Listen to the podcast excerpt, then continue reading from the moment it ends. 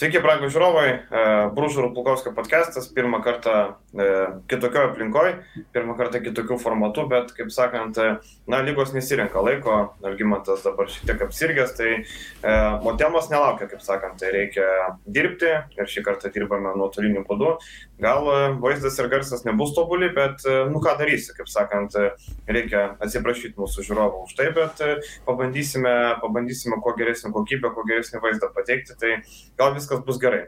E, tai kągi, e, turim viešą dalį, kaip visada, patrono, patrono rėmėjų dalyje pakalbėsime apie LKL reguliarųjį sezoną, išdalinsime apdovanojimus įvairiausius ar ne ir panašiai. Tai pradedam nuo viešos dalies ir čia Eurolygoje dvi serijos baigėsi, dvi serijos liko. E, gal trumpai, irgi e, įdomios tavo mintis apie pirmasis dvi serijos, kurios jau pasibaigė ir tiek Realas, tiek Anadolo iškeliavo į finalinį ketvirtą. Sveiki visi, tokiam COVID sąlygom dirbom, nors 200 turbūt sergančių visoje Lietuvoje, bet aš mhm. sugebėjau pasigauti. Tai ką, šokam prie temos, tai apie Eurolygą kalbant, turbūt gal pradėkime nuo Realo Makabi. Um, kaip ir kalbėjome, ne, aną, aną podcastą, kad uh, ko gero viskas išsispręs tose trečiosiose rungtynėse. Uh, Nu ir kažkokio, naujų, kažko, kažko labai naujo Makabi žaidime mes nepamatėm. Realiai tos pačios problemos kaip ir pirmosios antruose mačiuose, gal net sakyčiau, nebuvo tokio realo dominavimo priekiniai linijoje, bet vėlgi susimetė Kause, susimetė Fernandesas, Gosas puikiai žaidė kaip ir visą seriją 11.8 rezultatyvus perdavimai. Ir Makabis niekaip nesugebėjo sustabdyti realo tų snaiperių, nes, nu, iš tikrųjų pataikymas realo visą seriją buvo fantastinis. 49 procentai tritaškių tikslumas ir su tokiu pataikymu, prieš tokį pataikymą žaisti labai sudėtinga. O Makabis, nu, iš esmės nieko prieš pastatyti nesugebėjo. Ten Evansas, Nanali tokie visiškai blankus kaip ir visa serija. Vilbekinui tikrai trūko kažkokios uh, pagalbos. Uh, Nu ir matėm, sakau, kad Realas pradėjo rungtynės 15-8 ir vėliau taip užtikrinti ir laikėsi priekyje ir, ir ten kažkokių didelių uh, intrigų net ir nebuvo iki pat pabaigos. Tai tokia, tokia serija, tokia, toks trečias mačas, koks, kokia ir serija realiai, žinai. Ir, e, aišku, trenerio patirtis turbūt vėl mes e, kažkaip labai Na, mes turbūt objektyviai sakėm, kad Pablo Laso gal jau e, reikia pasitraukti ar ne ir taip toliau.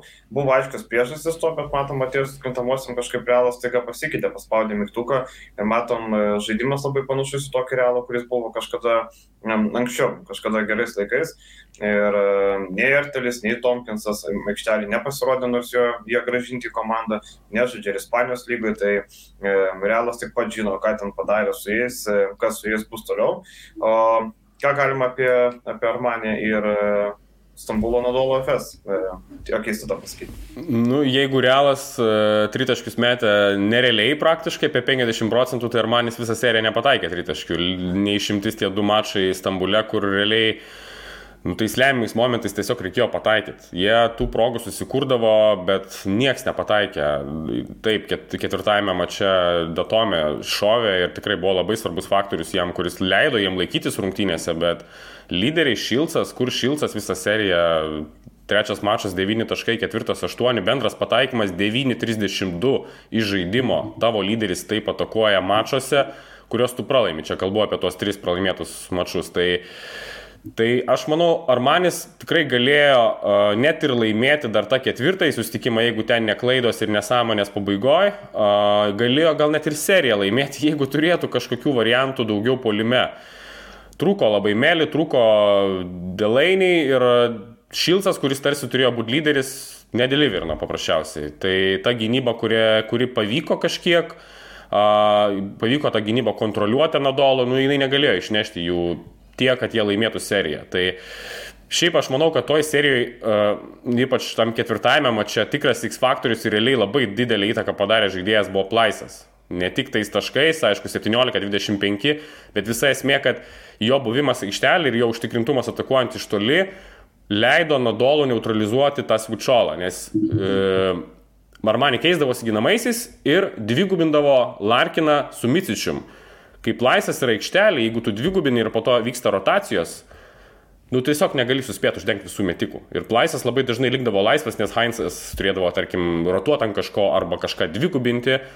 Nu, e, Larkinas su um, Mističium puikiai tą situaciją skaitė, surasdavo laisvą plaisą ir jis bausdavo. Tai aš manau, kad Plaisas tikrai leido Nadolų perlaužti tą uh, Armanį gynybą ir, ir, ir polime rasti tų atsakymų. Tai sakau, man atrodo, kad čia galėjo būti įdomiau, jeigu Armanis būtų turėjęs daugiau ginklų.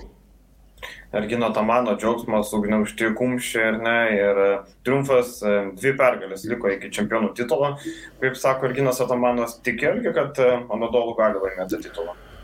Gali laimėti, žinai, vienas mačas, jie turi geriausią gynėjų grandį Eurolygoje, atsiskleidė Plaisas, tie roleplayeriai tokie irgi momentais visai kažką davė, ten Bryantas, sakykime, Andersonas gal irgi gynyboje kartais neblogai sužaidė. Uh, Bet man, manęs vis tiek neįtikino, aš kažkaip negaliu dabar taip užtikrinti sakyti, kad Anadolu tikrai geriausia komanda. Nu, atrodo, jinai praščiau negu pernai Anadolu, atrodo prastesnė komanda nei pernai. Tai ar to užteks, kad laimėtų titulą, sunku pasakyti, aišku, sakau, vienerios rungtynės labai sunku prognozuoti, bet, bet, bet jie netrodo tokie galingi, tokie, tokie na, busimi čempionai, kokie atrodė, tarkim, pernai.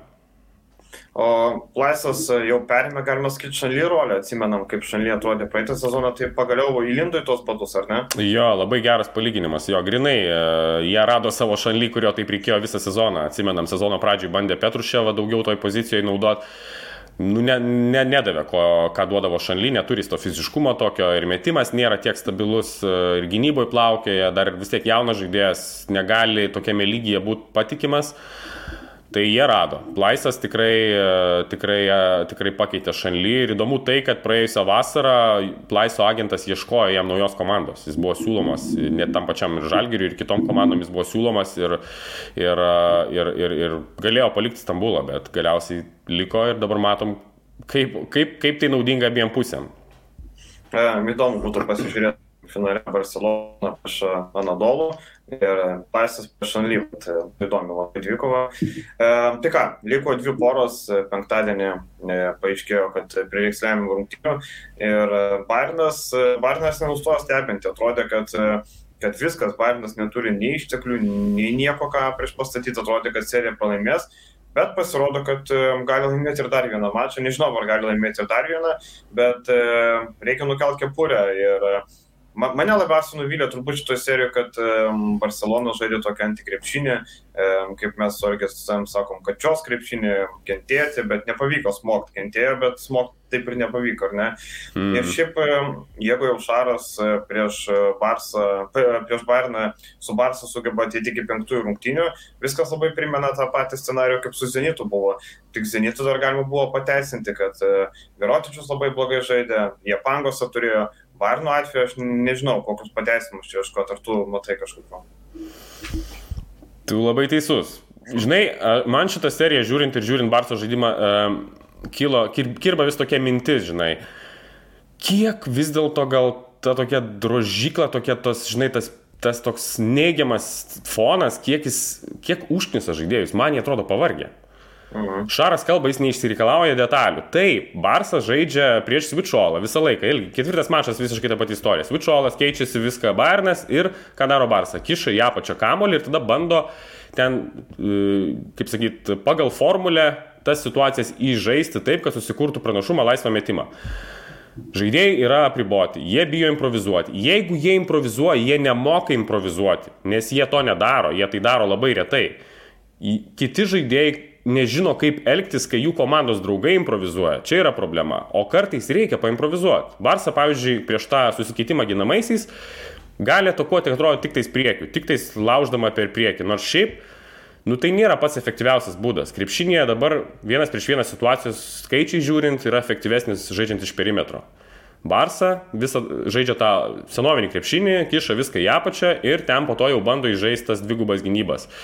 Realiai Bayernas privertė Barsą e, savo polimą ir savo žaidimą nuspręsti per didelius žmonės ir jų sprendimų prieimimą. O tai yra didelė rizika, kad tavo dideli žmonės realiai nuspręs tavo rungtynės priim, priimdami sprendimus. Tai yra, nu, tai yra tai, ko Bayernas nori ir tai yra tai, su kuo Bayernas gali gyventi. Tai nežinau, man atrodo, kad tas nelankstumas kažkiek mm, prieime prie žaidėjų gali būti, kad, gali būt, kad vėlgi mes matom tą pačią situaciją, kai žaidėjai tiesiog pavarksta, yra per dėlį įtampo ir negali atsipalaiduoti ir pademonstruoti savo aukštesnio meistriškumo tokiuose rungtynėse, kur taip reikia būti fizišku, reikia atstovėti tą Bayerno fiziškumą, bet aš manau, kad Barcelona turi daugiau talento ir jie galėtų tą talentą atskleisti įvairiau. Bet jie žaidžia taip pat, kiekvieną taką, ten pat kiša kamolį, Bayernas žino, ką jie darys kiekvienoje situacijoje, žaidėjai bijo improvizuoti ir matom rezultatą, matom tą kančią, žinai, ketvirtose rungtynėse, kur tikrai nuo e, kaip sakyt, e, paveiksliukas, kaip atrodo kančios krepšinis, tai buvo ketvirtas susitikimas, visiškas kančios krepšinis. 52 taškai su tokia talentinga komanda, tai na tikrai atrodo, atrodo labai įdomi ir ne. Man patiko labai ten berot baudos aikštelė, kažkas užrašas, kad e, gerai, kad Durantas atvažiavo žiūrėti į Monako, ne į Müncheną kaip žinio, tai tikrai labai tiklus pastebėjimas, e, visai kitokia serija. Dar žiūrint į Barceloną, e, turbūt, kad ir kaip blogai būtų, Barcelona sugebės iškopti tą finalinį ketvirtą. Aš kažkaip labai sunkiai įsivaizduoju, kad Barnas e, atvažiavęs į Barceloną sugebės laimėti tas penktasias rungtynės, kurios vyks jau antradienį, tai yra rytoj. Tai man kažkaip e, daug abejonių kelia, nors turbūt jau nebe pirmą kartą e, nustebino Barinas mus vis tiek e, įsitraukė kažkokiu koziriu, bet aš nesitikėjau, kad Barinas gali būti toks geras gynybai, 52 praleisti taškai. Aišku, Barsos, kaip tu sakai, nemokėjimas improvizuoti žaidimas pagal vadovėlį prisideda, bet, kaip sakant, vėl tu nurašym truputį reikės įsivesti taisyklę, kad jeigu Šaras jau žaidžia prieš silpnesnę komandą, tai bus vis tiek penki mačai. Nesvarbu, aštunta vieta, ten septinta. Kaip be būtų jokinga, Šaro lengviausia serija buvo su Žalgiriu prieš prie Olimpiakos, ten 3-1 buvo laimėta.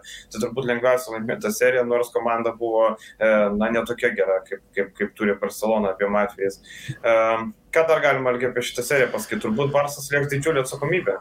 Taip, atsakomybė, vad klausimas, kaip jie susitvarkys su to atsakomybė, ar jie dar labiau nebus apriboti. Aš manau, kad Barcelonos problema ketvirtame mače buvo ir fiziškumas. Jie atrodė nepasiruošę Bayerno fiziškumui, ypatingai perimetro linijo Bayerno su Dėdovičium ir Vailuriu Babu yra labai fiziška.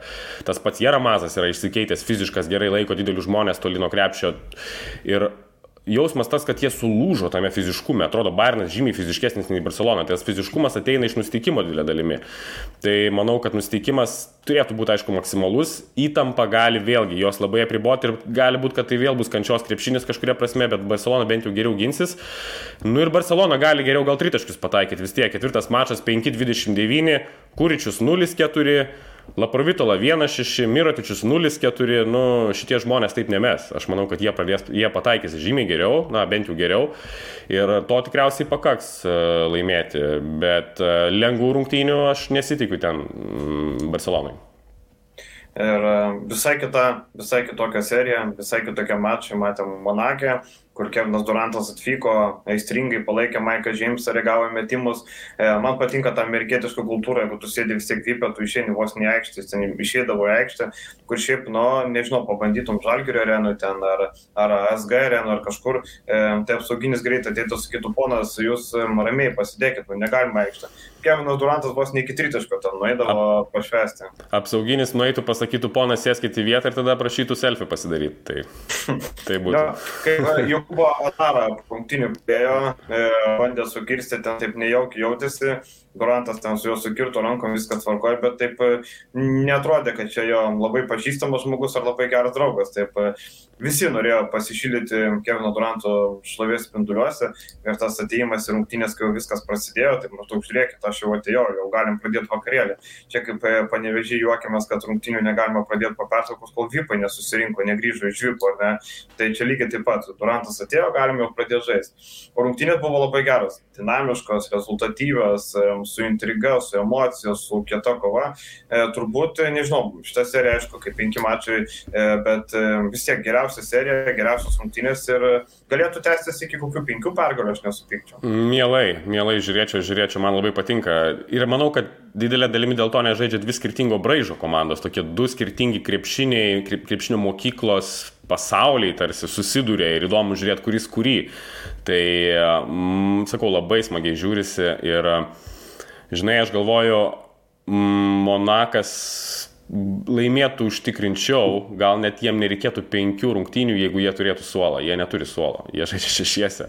Jeigu aikštelį yra Motejūnas e, ir mm, e, Westermanas, yra problemų. Jie per lėti ir jie negali e, žaisti savo to tokio laukinio, greito, atletiško krepšinio, kuriuo jie yra pranašesni, kuriuo jie gali, kuriuo jie turi pranašumą prieš olimpijakos, taip sakykime, nes jie gali bėgti, jie yra atletiškesni, aukščiau šoka ir jie dėl to uh, daro tos spurtus. Kai yra Matijūnas, yra problemų. Bet Holas negali žaisti 40 minučių kaip Jamesas, vėlgi. Tai čia problema, kad jie turi šešis žaidėjus ir dar išeina, pavyzdžiui, koks Brokas Motomas, kur aš galvoju, uh, Rokui Mitskevičiui reikia Vilnių išrašyti, kaip, e, kaip arenui nėra randama vieta Brokui Motomui kažkur prisėsti, geriau tribūnose, gal ten šalia Robo Grėjaus, gal nėra vietų, ar kur yra problema, kodėl jis yra ant atsarginių žaidėjų solelio, ne, o ne kažkur tribūnose. Jis neturėtų žaisti Eurolygos ketvirtfinalyje. Nežinai, ir dar matom, kad labai trūksta alfa dialo, jo taip pat nėra ir tai būtų labai svarbus rotacijos žaidėjas ir būtų pailginęs tą suolą. E, mane vis dar stebina, kaip Michael Jamesas sugeba e, vienodai gerai sužaisti nuo pirmos iki paskutinės minutės ten. Man atrodo, serija ilga, rungtynės kas porą dienų. Jisai žaidžia daug minučių, bet vis tiek sugeba išlaikyti tą lygį ir pasikvietęs draugą iš e, kitapus Atlanto gėtų savo neprisidaryti. Jo, jo, Maikas Džeimsas net ir tragiškai mesdamas.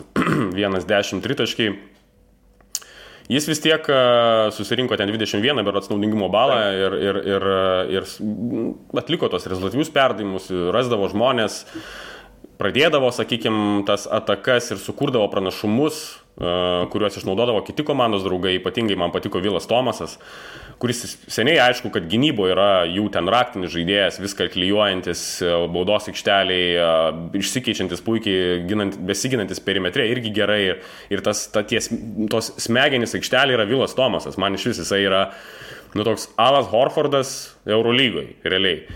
Tai pamatėm jo lygelį ir pamatėm, ką jis gali polime. Ir tas jos spurtas ketvirtajame kilnie, kai prisėdo Berots Baconas ir, ir, ir, ir aikštelė buvo Motijūnas, man atrodo, ir Monako trūko šiek tiek tokios jėgos energijos polime, tai Vilas Tomasas tą sugebėjo duoti. Jo, bet uh, realiai, nu ką, uh, ta gynyba, atletiška gynyba su Parisu Lee, Holu labai svarbi, manau, kontroliuojant olimpijakose ir neleidžiant jiem visiškai žaisti savo tokio akademinio krepšinio O, o, o, o polime jie turi dar ir Baconą, kuris individualiai nu, labai stiprus yra. Vienas prieš vieną situacijose matom jo tos nedengiamus fadeaways, tuos metimus iš vidutinio nuotolio, kur net Papa Nikolau, kuris yra 2 m 4 cm gana ilgom rankom, net jis negali, nieko, ne, negali niekaip to metimo apriboti kažkaip. Tai aš galvoju, penktame čia, nu manau, kad ten bus intriga ir kažkaip vis tiek aš tikiu, kad individualus meistriškumas turėtų laimėti. Šiaip e, olimpiakos irgi, pasižiūrėkime, kiek žaidėjo rungtyniavo, kiek duoda naudos, irgi yra pakankamai skurdžiai. Tarkim, Makisikas nesugeba nie taško sukreptyti, Žanas Šarlis vieną taškelį, Printezis 7 minučių žaidėjas, e, nuo širdžių, ne, Michalis Launtis išleidžiamas baudą padaryti turbūt, ar ne, e, bet Taleris Dorsi mane nemaloniai stebina, 1-7 tritaškį ir matėm labai daug gerų progų buvo pataikyti ir Taleris Dorsi net plaukus pasireido tiesiog net to žodžio prasme, kad jau visai kitaip, pradžioje neblogai sekėsi, po to laisvi tritaškėjo pro šoną, Tomasas Vokupas irgi vieną mačą iššovė, kam vėl polime tuščios. Olimpiakos irgi stinga to tokio didesnio indėlio iš, iš, tų, iš tų žaidėjų. O Kostas Lukas, kaip bebūtų, galvojau, pataikys tą metimą, galvojau, nu jau išplėštas specialistas. Šį sezoną ne vieną kartą jau gelbėjo Olimpiakos ir per karjerą turbūt kiek yra ištraukęs rungtinių, gali neužtektų dviejų rankų pirštų, bet šį kartą nepataikė ir Monakas galėjo švesti. E, labai įdomus mačas laukia trečiadienį ir aš tai vis tiek statyčiau už Olimpiakos tokį. Ok, e, aišku, namuose bus palaikomi labai, labai stipriai ir, ir aišku, Jamesas su Baconu gali sudegti, gali jie perdegti. Nėra tie žaidėjai, kuriais tu galėtum labai pasitikėti. Ir kitas dalykas, nesimato Monakė, kas galėtų vis dėlto stabdyti falą. Jeigu falas yra aikšteliai, nu nėra kam gintis. Motejūnas, nu negali apsiginti. Holas irgi jam sudėtinga. Taip, jis atletiškas, kažkiek gali apsunkinti tos metimus, bet, bet neturi tos jėgos, neturi to fiziškumo, žinai. Tai falas yra, manau, kad didžiausias olimpiakoso pranašumas visą šitą seriją. Ir matom, kad jie labai daug, iš, labai daug gyvena falo fiziškumu, dydžio ar tik krepšio. Dabar pasižiūrėsim, ar Monakas kažkokį, kažkokį variantą ras, galbūt bus labiau dvigubinamas falas, galbūt jam bus leidžiama žaisti daugiau nugarai krepšį.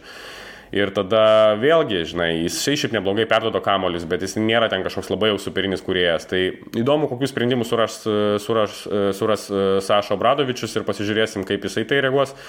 Nes vienas iš jo tų kertinių serijos sprendimų kol kas pasiteisina, tos užtvaros mažų žaidėjų, kad išsikeistų ant Bacono gynėjas, o ne, nereikėtų jam žaisti prieš trečią numerį vis dar kažkiek veikia, nors Olimpiakosas irgi kažkiek jau adaptavosi, Bardzokas ten jau pritaikė tokius, sakykime, liepia jau stepautuot kartais, uh, denying perdavimus, kad kiltų perdavimo linija ir tada, tarkim, Papanikolau galėtų spėti prie Bacono, kol perdavimas krieja iki jo, prie jo sugrįžti. Tai yra tų sprendimų, bet, bet nu, žiūrėsim, sakau, įdomu, kokį, kokį sprendimą ras Falui, kuris tikrai visą seriją yra didelė jėga. Būtų labai įdomu, jeigu Monakas sugebėtų patekti į finalinį ketvirtą, e, tokia nenuspėjama komanda, kur, e, nežinau, tokio, tokiam formatė galėtų net ir titulą laimėti. O ir pusinaris būtų labai įdomus Anadolu prieš Monaką, tokia taškinė būtų nebloga, būtų labai įdomu ir tada finalas e, arba prieš Realą, arba prieš Barsą. Būtų labai įdomu, būtų toks netikėtumas, aš tai visai už netikėtumą, žinai, irgi, nes pastoviai matome Eurolygoje, kad tos pačios elitinės komandos žaidžia finalinius ketvirtus, tos pačios elitinės komandos laimė tos finalinius ketvirtus. Žalgiris būdavo tas, buvo tas toksai šviesulys, kur po ilgo laiko e, mažo biudžeto komanda pateko į finalinį ketvirtą. Monako irgi galim vadinti mažo biudžeto komandos, vis dėlto 7 milijonai, tai, na, tai yra mažas biudžetas, kaip bebūtų Eurolygos mastais, bet e, matome, kokį krepšinį žaidžia ir kokie sprendimai priimti Sašo Bradovičių pakviesti sezono metu, na čia ne Jūris Dovcai ištraukti iš parašių, čia jau šiek tiek kitoks lygis.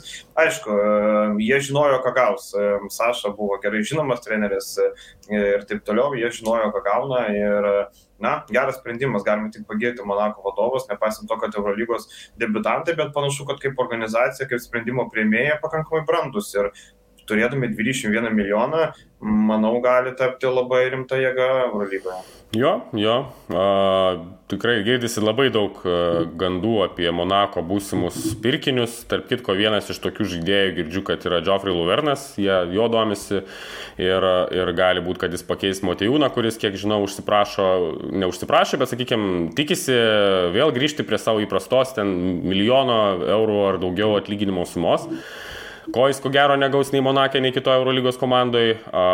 Ir, ir tik tais jiem reikės ieškoti tikriausiai kuo pakeisti Baconą, nes girdžiu, kad Baconas nori į NBA grįžti ir, ir jisai dabar viską daro, kad, kad NBA klubai atkreiptų įdėmėsi vėl ir jisai ten galėtų grįžti. Tai, tai permainų bus labai daug, bet biudžetas bus jau kito lygio ir mes, manau, kad paskutinį sezoną kalbam apie Monaką kaip apie išsišokėlius. Kitą sezoną kalbėsim kaip apie elitinę komandą, kuri turi patekti finalinį ketvirtą vien dėl biudžeto. Ir e, Baconas, taip, Baconas, man atrodo, kad tikrai turėtų sugrįžti toks nuo suolo skoreris, 15 minučių Eurolygo, Eurolygo NBA, manau, kad gali būti naudingas. Jisai labai specifinis, tame ir yra problema. Jis būtų likęs NBA, jeigu jis nebūtų vidutinio nuotolio skoreris, kuris NBA lygių yra toks, nu, negali žaisti su jo starto penketė, jis nesigina gerai, jisai tik tais yra tas grinai gatvinis toks skoreris, bet vidutinio nuotolio, nemeta tritaškių gerai, žinai, po driblingo. Tai Eurolygai puikiai tinka, bet NBA jie nemėgsta tų vidutinio nuotolio nuotolio metikų, nebent tai yra Demaras Darauzanas, tai nebent tokio lygio. Na jo, dar žiūrint kokią komandą, ten kokiam Orlandė ar Detroitė labai keičia. Tos komandos, kur daug jaunimo turės ir vėl um, turėtų tūnuoti turninės lentelės pabaigoje, kaip sakant. O šiaip apie Monaką, tai turbūt jo susipakuos lagaminus visi, visi motumai ir taip toliau, tokių žaidėjų turbūt arti nebus komandų su 21 milijonų biudžetu. Pažiūrėsim, pažiūrėsim, kokių sugebės pasikviesti žvaigždžių. O Lavernas būtų labai logiškas, aišku, prancūzas, Prancūzijos lygai pats tas, kaip sakant, ar ne, praktiškai vietinis, na, Monakas nėra Prancūzija, bet okei. Okay tai praktiškai vietinis būtų tai komandai, tai būtų labai geras sprendimas. Šiaip tai galima pagirti, kad ir neblogą atmosferą kūrė Monakė, nepaisant to, kad ta arena atrodo labai baisiai, labai niūriai, labai neįdomi. Nežinau, ką pagalvojo Kevinas Durantas, atvykęs po NBA arenų į tą angarą. Manau, kad turėjom įsigasti čia, kaip kažkada Sony Vimsas Sakinstos areną pamatęs. Man atrodo, toks pat lygis. Nu, gal, žinai, jis gal pasijuto kaip, e, kaip JAV mokyklų krepšinio rungtynėse arba, nu, kažkas panašaus, žinai, atėjo pasižiūrėti. Geriau, ne? nu, kaip, kaip kuriuose salėse, žinok, ten irgi tos salytės nėra didelės, žinai, bet aišku, jos naujesnės yra čia matosi tokia, jinai šiek tiek ir jau aptriušus tokia gerokai. Tai, Bet, nu, man atrodo, žinai, jam jis atvažiavo, jisai atvažiavo, čia tik apšilimas, o, o vakaras buvo ko gero linksmėsnis ir ten žymiai prabangiau praleido tą vakarą, kokiam Monte Carlo ten, žinai, kazino kokiam. Tai Jo, ir kitą dieną e, galėjo stebėti, vyko lenktynės, e, ne Formulė 1, bet vis tiek vyko lenktynės tą pačią legendinę Monako trasą. Tai manau, kad vaizdų tikrai pakako ir iš e, viešbučio, pro viešbučio langą, pro kazino langą, pro visus langus, kurie galėjo būti, nes visi veda ten pat. Uh, Gerai, tai Eurolygą paliekame tiek, e, būtinai e, aptarsime kitą savaitę ir e, visus kitus likusius mačius, kurie įvyks jau antradienį, trečiadienį. Na ir viešai daliai baigiant, reikia pakalbėti apie mūsų vietinę mėgstamą lygą LKL. Ir čia prasidėjo atkrintamosios, du mačai startavo sekmadienį.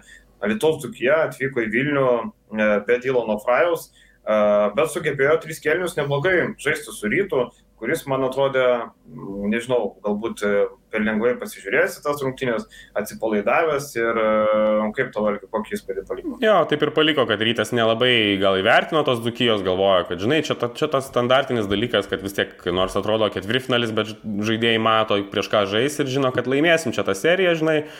Ir kartais, nu, taip ir tos rungtynės tokios ir būna, kad kokius 2-3 kėlinius tamposi, bet žino, kad nulaužta. Ir nulaužė rytas, kai Dzukija pradėjo daugiau klyst kai rytas galėjo kažkiek bėgti tas greitas atakas, e, matęs, kad, kad Zukija turėjo tų problemų. Ir, ir aišku, jiem tikrai trūko, Zukijai trūko to perimetro trejato, kuo jie išsiskyrė visą sezoną. Tai minėtas Frajus jo nebuvo, Newkirkas 4-16 metimai, nu tragiškas pataikymas trūko, trūko perimetre variantų, o, o ten su Lukauskinu, ten žinai, su kitais, nu ten tiesiog suolo nėra, žinai, rytas dar labai gerai išnaudojo ir tą, tą ketvirtą poziciją Dzukijos, ten kur nėra kam žaisti realiai, tai matėm Laisneris ką darė, ką Williamsas irgi užtikrintai žaidė, tai Nu čia aišku, iš toj serijai viskas labai paprasta. 3-0 ir, ir, ir, ir, ir Dzukija verčia naują lapą, turės, turės tą naują komandą Lietuvai.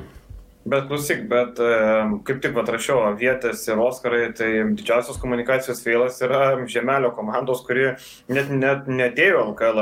Matėme, kovo 28 dieną buvo pasakyta, kad štai e, balandžio pabaigoje pranešime čia apie naują komandą, kokią čia nusipirkom.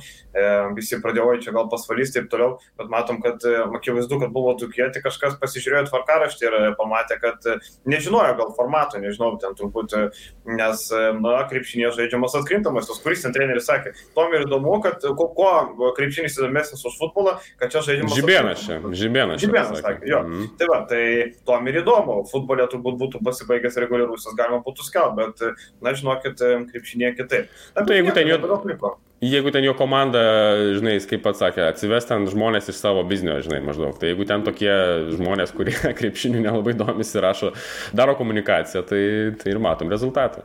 Na nu, taip, tai e, pažiūrėsim, e, nebedaug liko laukti. Kitos serijos rungtynės jau šią savaitę, jeigu 3-0, tai ryta šią savaitę uždaro seriją ir Zukie gali e, skirstytis. Tarp kitko, kodėl Zukie buvo labai patraukli, tai man sakė, kad tiesiog labai paprastai nei vieno žaidėjo su kontraktais nėra visi žaidėjai taps fregantais. Ir e, kas yra įdomu, tai e, niekas nežino tiksliai, kiek Dzukija turi skolų. Auditas, kaip suprantu, buvo padarytas, ar ne iki galo padarytas, tai ten sako, bijo, kad nepradėtų lysti visokie galai, kur, na, jie nėra apskaityti. Čia žinai, kaip būna, o, sveikas, žemelį, klausyk, čia man sukijos skolinga 10 tūkstančių, čia kažkada, žinai, Maikį nupirkau. Mm. Ir tu nežinai, nupirko, nenupirko ten. Dažnai būna, kai atsiranda dėdė su pinigai, čia, žinai, kaip giminiai laimi kas nors tėvo loto, sako, oi, klausyk, tai tu man gal padėsi, čia tavo trečios eilės pusbrolis. Tu čia, kad čia nebūtų situacija. Gali būti, jo, jo. Tapto, žinai, net, net, tie, kurie, net tie, kuriem neskolingi gali ateiti. Taip, taip, taip. Žemelį. Klausyk, aš čia Zukijoje turėjau reikalų tam tikrų, man neatsiskaitė, tai prašom atsiskaityti. Čia jo, pačias apgavo mane, tai tu man dabar turi grįžinti. Tai va, įdomu bus e, pasiekti tą visą situaciją. E, kita pora taip pat startavo, na ir ten buvo labai geras mačas, man labai patiko. E, man kažkiek priminė Monako ir Olimpiakos, aišku, čia dvi vienodo stiliaus komandos. Taip bet intensyvumu, sugrįžimu, plus 10, vėl atgal ir taip toliau. Labai geras mačas ir tikrai nenuvylė, ne veltui ketvirta prieš penkto komandos susitiko e, Martinas Varnas, ką išdarnėjo absoliučiai atkrintamųjų režimas įjungtas visų pajėgumų. Žavėjausi Martino Varno, bet labai nesižavėjau Antano Sireika. Taip, Antanas Sireika, na, mes esam kalbėję ne vieną ir ne du ir ne tris kartus. Antano Sireikos komandos nesigina. Kas būna, kai nesigina? Tada komandos yra nerealiai priklausomos nuo pataikytų tritaškių, nuo polimo. Jeigu ten viskas sekasi, tada puiku, situacija kontroliuojama, gali ir laimėti tada, ir užtikrintai laimėti. Bet vos tik sustoji polime, nu nėra ant ko kabintis, nėra to stubro. Gynyba visada, visą laiką yra stubras, kai tau nesiseka polime, tu gali bent jau apsiginti ir, ir laikyti šiek, šiek tiek tą savo iniciatyvą, tą persvarą. Šiauliai nesigina. Pamatėm komandą, kur yra absoliučiai nedisciplinuota gynyboje, daugybė komandinių klaidų, daugybė nesąmonių, ten šaulys mėto laisvas išbėgęs iš stagerio, greitom, greitam polime šitas lekomtas atsivaro kamolį laisvas, deda tritaškį, jie neišsirikiuoja, neišsirenka žaidėjų. Ta prasme, nu, visiškai nedisciplinuota komanda gynyboje ir dėl to jie paleido, labai sparčiai išleido tą savo pranašumą, labai sparčiai pralaimėjo laimėtas rungtynės. Tai va čia toks rezultatas yra komandos, kuri neturi gynybos. Ir sakau, Sireika, nu, čia žinai, čia nenustebino, čia ne pirmas kartas, kai taip įvyko su šiuliais. Aišku, ir Šeškos komandos irgi nepasižymė gerą gynybą, čia nėra ką sakyti, bet Šeškos man kažkaip patinka, kad Šeškos per tiek metų išmoko kažkaip priimti sprendimus, kurie duoda naudos rungtinių metu. Matėm, rungtinių pradžia Sibeto buvo prasta, labai dažnai būdavo ankstesniais atvejais Šeškos komandos, jeigu pradžioje paleidžia, tai vėliau jos sunkiai labai sugrįžta, nebent tenai trajekas, kaip sakant, užpila. Bet šį kartą Sibetas tikrai savo kontrolę solidus polimas, neperskubėjimas, dar kiek metimų iš pokrepšio buvo nepataikyta, kurie būtų padėję rungtynės perlaužti dar, dar anksčiau ar ne. Tai man visai patiko, kaip suvadovavo, kaip viskas įvyko.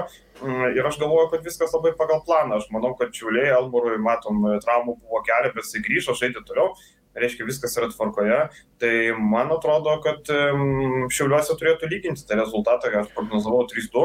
Ką tu galvoji apie šitą seriją? Aš galvoju, jo, minėjai kelis dalykus. Visų pirma, minėjai tritaškius. Jonava užmetė tritaškiais ir, ir, ir, ir galėjo išsigelbėti. Tai taip, bet jeigu tu esi Šiauliai, tai tu nu, negali ruoštis rungtynėms ir leisti rungtynėse Jonavą išmesti 41 tritaškį.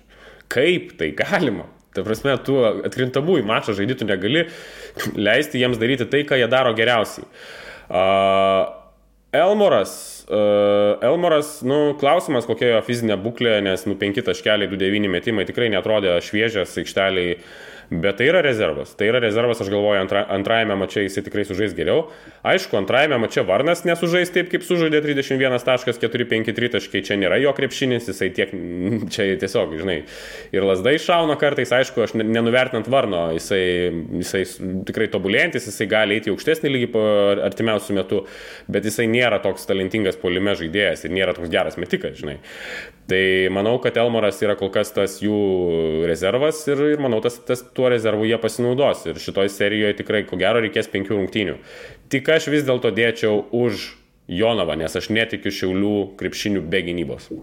E, dar papildysiu, kad Varnas pataikė 6 iš 8 tritaškių, 4-5 taškai. Tai įspūdinga, dar įspūdingesnis pasirodymas mm. negu, negu, negu pasakė. Tai, taip, taip. Jo, taip kito pasižymėti su sudėtinga būtų.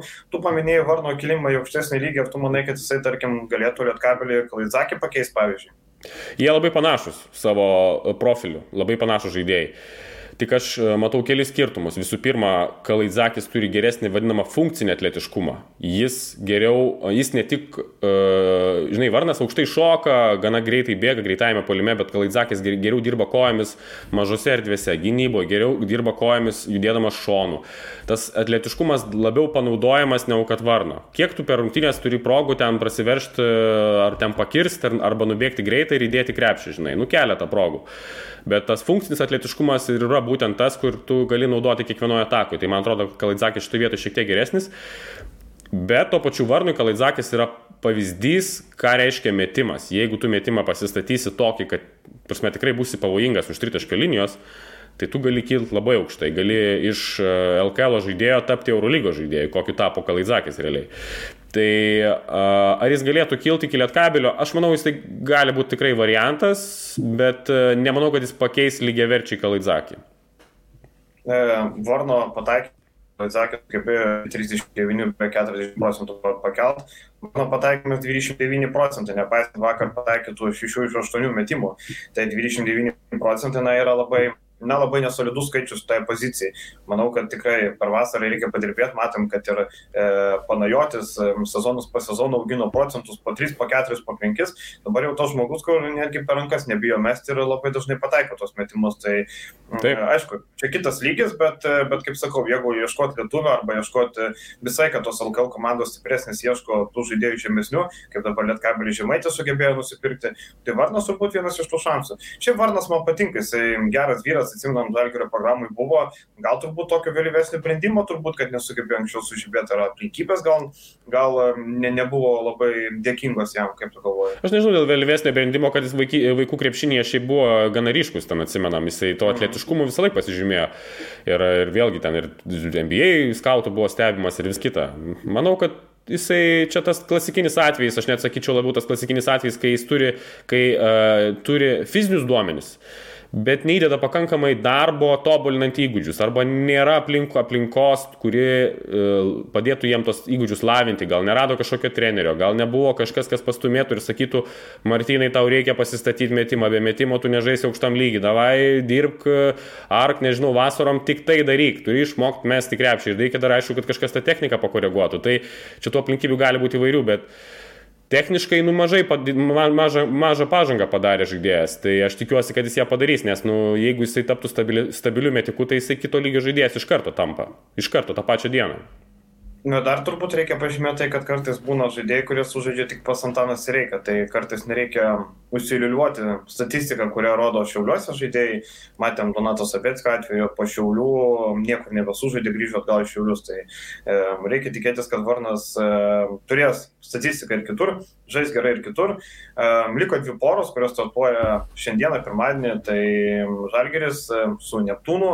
E, apie šitą porą, ar tu matai irgi kažkokią intrigą, nes, na, Žalgerio turbūt žaidimas neįtikina, bet Neptūnas turbūt neturi iš ko laimėti. Taip, taip, taip. Vėlgi, reguliariajame sezone visi mačai Žalgirio buvo laimėti apie 20 taškų, ten į, vien, vienus vartus praktiškai. Tai nėra, nu, viskas vėl priklauso nuo nusteikimo, nuo tų dalykų, nuo tų psichologinių reikalų Žalgiryje. Nu, dabar jie turėjo tas penkias dienas ruoštis. Kažkiek manau, kad bus nuimtas ir tas fizinis spaudimas, sakykime, nuo treniruotės, šiek tiek mažesnis krūvis, turėtų kažkokią kompensaciją atsirasti, jie turėtų išsilaisvinti, šiek tiek greitesni būti. Ir čia tikrai sužaistas faktorius, aš manau, mes pamatysim geresnį žalgerį, negu matėm čia pastaruoju metu. Tai nematau aš čia kažkokios intrigos. Manau, kad 3-0, taip gal pirmam, antram čia gal bus kažkokių šiek tiek sunkumų, bet manau, kad seriją laimė žalgeris užtikrintai. Kaip tu galvoji, ar e, Adomaitis liks Neptūnė, ar, ar persikas pas kokį žemelį? Aš Adomaičio vietoje Neptūnį nelikčiau. Nematau, nematau ar, kad tas klubas galėtų kažką pridėti, ar stipriai pagerinti savo sudėtį ir taip toliau. Adomaičio vietoj likčiau Neptūne tik tuo atveju, jeigu ten biudžetas kiltų. Jeigu, jisai, jeigu jis žinotų, kad jis turės gal milijoną, kokį, kurią galėtų disponuoti ir, ir siekti vietos e, Europos taurėse kažkokiose, nu, turiu omeny, čempionų lygoje gal. Bet uh, jeigu ne, jeigu ten biudžetas panašus arba dar mažesnis, kaip kalbama, kad yra tam tikrų ten gali būti problemų su pinigais dėl to uosto reikalų ir taip toliau, tai uh, Tai, tai aišku, jeigu yra galimybė eiti į klubą, kuris turės ten bent jau kokius 4-5 milijonus, tai reikia eiti ir viskas. Tai jo lab, kad e, Žemelio klubas grįž į Vilnių, o Domaitis, žinom, gyvena Vilnių, žinai, ir visa kita. Tai nežinau, man atrodo, kad e, jeigu jis turės galimybę eiti į Žemelio komandą, tai jis turėtų ją pasinaudoti. Na ir paskutinė para, tai tavo prognozija 3-0, ar ne? Ja. E, paskutinė para, Lietkabelis su Juventus ir Na, čia e, matėme įvairių spėjimų, dauguma prognozuoja Lietkabelę, pergalę 3-0, 3-1, bet e, mūsų kolega Tautvidas ir Stepanas Paprauskas e, duoda laimėjimą Juventus komandai 3-2. E, kaip tu, Algi, kokia, tavo prognozija, kokia tavo mintis? Aš kaip iš, okei, okay, ten, žinai, paklausiau prognozių, aš gal taip, aš e, apie Stepaną sakau, va, tą, žinai, kad, kad, čia, kad čia tikrai bus intriga. Šiaip nu, toks atrodo bereikalingas hypas. Šiandien nematau aš kažkokių priežasčių labai hypinti šitą seriją. Aš nematau kažkokio tai racionalaus pagrindo tam hypui. Mes matom vieną komandą, kuri yra visą sezoną tu prasme, turinti daug problemų, pakeitė trenerį, tas treneris dabar, kuris treniruoja, jis tik pradeda savo žingsnius trenerio karjeroje ir kita komanda, kuri žaidžia turbūt geriausią sezoną, bent jau vieną geriausių sezonų klubo istorijoje, yra geros sportinės, psichologinės būsenos, laimėjo visus tris mačius prieš Juventusą reguliariajame, treneris geresnis, geresnė sudėtis, viskas yra lietkabelio pusėje. Tai aš nematau, kodėl čia turėtų būti kažkokia didelė intriga ar, ar, ar Juventuso dar duolo pergalė. Aš, man, man atrodo, Lietkabelis išspręs tą, tą seriją gana užtikrintai. Matau, tik vieną galbūt Juventus pranašumą, tai Patriką Millerį. Nemanau, kad jisai vienas nulems seriją. Tai Lietkabelis 3-1, man tai atrodo, kad čia nebus didelės intrigos. Aš galvoju, kad taip, e, turbūt e, Lietkabelio pusė ir tas fiziškumas ir Europos taurėje įgyta patirtis labai svarbi. E, kitoj, kitoj pusėje, aišku, šiek tiek, nežinau, kiek patirties, Lietkabelis toks įdomus mišinys, ne, tarkim, turim Lipkevičių, Aureliką Gagičių, bet iš kitos pusės Klaidzakis labai svarbus žaidėjas, patirties turi labai minimaliai, Davidas Gedraitis apskritai atkrintamųjų patirties neturi, Kristupas Žemaitis irgi, e, matėm Dzukijo, kiek žaidė tokių, to, tokio lygio, kaip sakant, irgi patirties mažokai. Tai, taip, Šiauliuose žaidė ketvirtfinalį prieš tą patį Liet, Lietkabelį, atsiminkim, jo. Bet dar buvo labai jaunas, kaip sakyti, ar ne, ir tai buvo ta komanda, kur, na, nebuvo favoritė, dabar e, turbūt labai, labai daug psichologijų lems. Jeigu taip žiūrėti Lietkabelio pasirodymų šį sezoną, e, ta psichologija buvo labai svarbi, kokiu nusiteikimu išeina, e, kaip sugeba rodyti. Mano didelis skirtumas yra tarp trenerių, aš galvoju, kad patirtis vis tiek atkrintamosios, negali tikėtis didelių stebuklų, tarkim, Netas Pacevičius, na, geras vyras, geras kautas, geras specialistas, bet jam tai bus pirma patirtis irgi atkrintamųjų. Tuo tarpu Nenantas Šanikas jau yra sužaidęs AIBE serijų toje pačioje LKL. Tai jo čia būtent, kad jeigu kalbam apie patirtį, tai čia bus žymiai svarbesnis e, skirtumas Lietkabelio pusėje negu ten kelių gynėjų, kelių žaidėjų didesnė patirtis Juventus klube. Tai manau, kad treneriai yra skirtingų lentynų, su visa pagarba Pacevičiui, bet kol kas jis dar nieko neįrodęs treneris ir, ir dabar jis iššoka į tokią seriją, kur, nu, atkrintamosiose tose serijose šiaip yra tikrai reikia patirties treneriui. Reikia ne tik, kad jisai gal išsiskaitys, ką daro Čanakas, bet reikia turėti tą tokią patirtį priimant sprendimą, užtikrintumą, kad tas sprendimas tikrai pasiteisins. Ir tu negali to žinoti, jeigu tu neturėjai kažkokios tai serijos, tu tą patį darydamas prieš tai, žinodamas, ar tai veikia ar neveikia. Taip kad sakau, man atrodo, kad čia patirties faktorius labai labai lietkabelio pusė ir vėlgi Čanakas, nu tikrai geras treneris yra, žinai, ir manau, jis tikrai paruošta komanda ir nuteiks ten. Lietkabelis kaip ir rytas ir žalgeris. LKL šį sezoną pralaimi tik tada, kai jie nenusiteikia tiesiog. Nu, nėra, nėra, žinai, kaip patingi, kai neįvertina varžovų, bet šiaip tai visos trys komandos yra kitoj lentynų negu kad Juventus ir, ir visi kiti. Ne, Došanakas interviu sakė, kad norėjo išvengti būtent Juventus komandos, kuri na, turi daug potencialo. Ar tu būdamas treneris Algi irgi norėtum išvengti būtent Juventus, geriau nebe Sibeta, Šiauliai geriau negu Juventus? Žinai, gal yra, yra racijos tose žodžiuose, taip, yra, yra Juventuso tas pliusas, kad e, yra, yra gana gili sudėtis dabar, sakykime, pasižiūrėjus, yra pakankamai gili sudėtis ir, ir, ir, ir Bet aš nežinau, aš taip, patirtis, aišku, žaidėjų, bet man atrodo didelio skirtumo, labai kažkokio lemtingo skirtumo čia tikrai nėra tarp Šiaulių ir Juventus, manau, kad tai yra panašaus lygio komandos. Jo, e, manau, kad laukia visai įdomi serija, e, kita serija. Juventus e, Koriniukas labai daug pridėjo, matėme, būdavo sudėtinga atsilaikyti prieš Džordžią Gagičių, bet dabar Koriniukas gali puikiai atsilaikyti. Tas pats Rokas Gustys turi pakankamai jėgos tą padaryti. Turbūt dar vienas dalykas, jeigu taip žiūrėt gana taktiškai, Lietkabelis sustepautų pakankamai paranku žaisti prieš Juventusą, nes neturi kas galėtų taip nubausti, ne? Va būtent, būtent, labai geras pastebėjimas. Juventus yra prasta metikų komanda, neturi tų metikų, turi matulį, turi getsę Jacevičių, jeigu jam krenta, ne taip kaip šį sezoną. Mm. Ir aišku, galima tikėtis, kad uh, serijoje jisai pataikys geriau negu reguliariajame, ten 304 procentais.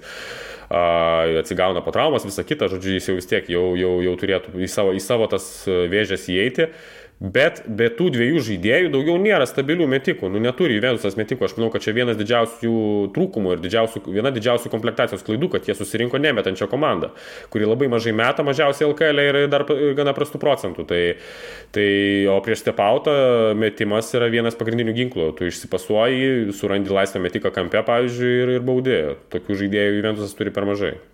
To klausimu, tarkim, tiek Sibetas, tiek Šiauliai gerokai daugiau turi. Taip.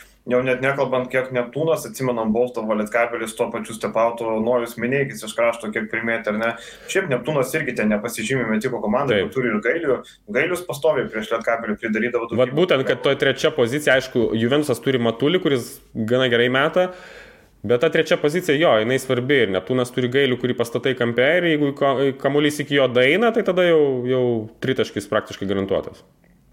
Jo, tai ką, man atrodo, viešai daliai pakaks, išsamei aptarėme viską, kas laukia, tai jau pirmadienį vakare, kas dar žiūrėsi dieną, tai nepamirškite atkrintamųjų, visą, visą savaitę labai smagiai laukia ir Eurolygos atkrintamosios ir LKL atkrintamosios, o mes keliausime į rėmėjų dalį, kur pakalbėsime apie LKL rekordų istoriją, padarysime planuojimus, aišku, duosime pilos tie, kurie nusipelnė tos pilos, kaip mes kitaip, mes negalime vien gerai, reikia būti ir kritiški, aišku. Ačiū Jums, iki kitos savaitės, iki. Iki.